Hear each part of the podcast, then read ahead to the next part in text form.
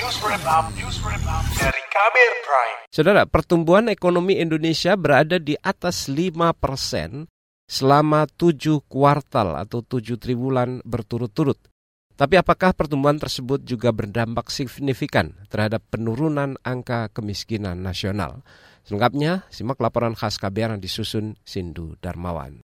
Perekonomian Indonesia tumbuh positif 5,17 persen secara tahunan pada kuartal kedua tahun ini.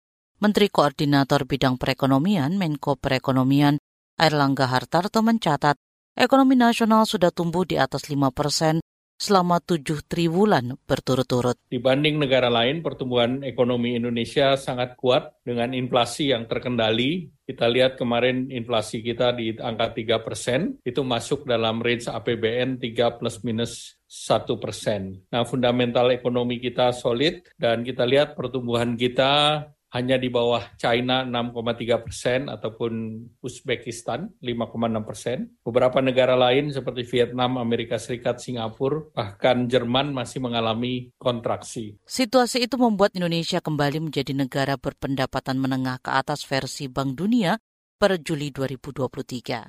Pertumbuhan tersebut sekaligus menjawab kekhawatiran akan terjadinya perlambatan ekonomi akibat penurunan harga komoditas unggulan ekspor Indonesia seperti minyak sawit mentah CPO. Menurut Airlangga, pertumbuhan itu juga didorong pertumbuhan sektor indikator sosial. Di mana kita lihat pada rilis Maret 2023, angka kemiskinan 9,36 persen dan angka kemiskinan ekstrim turun ke 1,12 persen dibandingkan tahun lalu yang 2,04. Kita juga lihat rasio gini menurun ke 0,396 0,396. Kemudian pertumbuhan ekonomi triwulan kedua ini menjadi modal yang baik untuk pertumbuhan ekonomi di tahun 2023. Secara angka, kemiskinan nasional pada Maret 2023 masih mencapai puluhan juta orang. Menurut Sekretaris Utama Badan Pusat Statistik BPS, Atko Mardianto, angka ini menurun. Faktornya antara lain karena penyaluran bantuan sosial. Komoditas makanan mempunyai andil kontribusi hingga 74 persen dalam garis kemiskinan. Data itu disampaikan BPS dalam rilisnya pertengahan Juli 2023. Persentase penduduk miskin di Indonesia sebesar 9,36 persen atau mencapai 25,9 juta orang. Tingkat kemiskinan pada Maret 2023 ini mengalami penurunan atau lebih rendah bila dibandingkan kondisi September 2022. Dalam rencana kerja pemerintah RKP 2024, kemiskinan ditargetkan berkurang 6,5 hingga 7,5 persen. Strategi yang diambil untuk mewujudkan itu antara lain mengurangi beban pengeluaran dengan penyaluran bantuan sosial.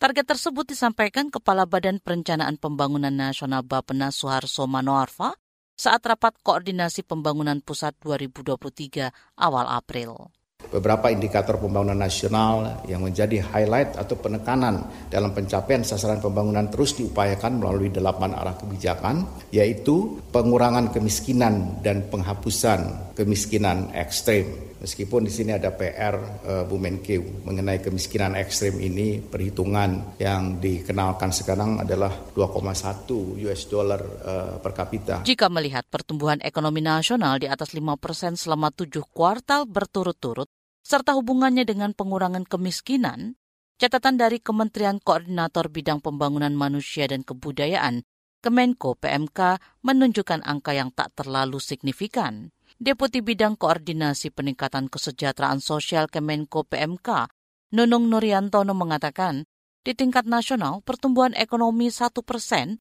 hanya mampu menurunkan tingkat pengangguran 0,2 persen. Kalau kita cermati lagi dalam konteks kemiskinan ini masih jauh. Jadi satu persen pertumbuhan ekonomi itu hanya menurunkan 0,0037 persen kemiskinan di Indonesia. Demikian juga kalau kita lihat angka ketimpangan. Jadi satu persen pertumbuhan ekonomi maka itu hanya mampu mengurangi ketimpangan 0,0031. Nunung mengungkapkan satu persen pertumbuhan ekonomi juga tidak menurunkan angka ketimpangan yang signifikan hanya 0,0031 persen. Kata dia, di provinsi tertentu mampu menurunkan angka kemiskinan dan ketimpangan, tapi dengan nilai yang inelastis atau kurang dari satu. Kenapa bisa terjadi seperti ini? Apakah ada yang perlu diluruskan di dalam konteks pembangunan ekonomi dan pembangunan sosial kita? Karena sesuai dengan pilar uh, ekonomi Pancasila tadi, bagaimana pada ujungnya keadilan sosial harus kita bisa wujudkan secara menyeluruh. Demikian laporan khas KBR. Saya Fitri Anggreni. Kamu baru saja mendengarkan news wrap up dari KBR Prime. Dengarkan terus kbrprime.id, podcast for curious mind.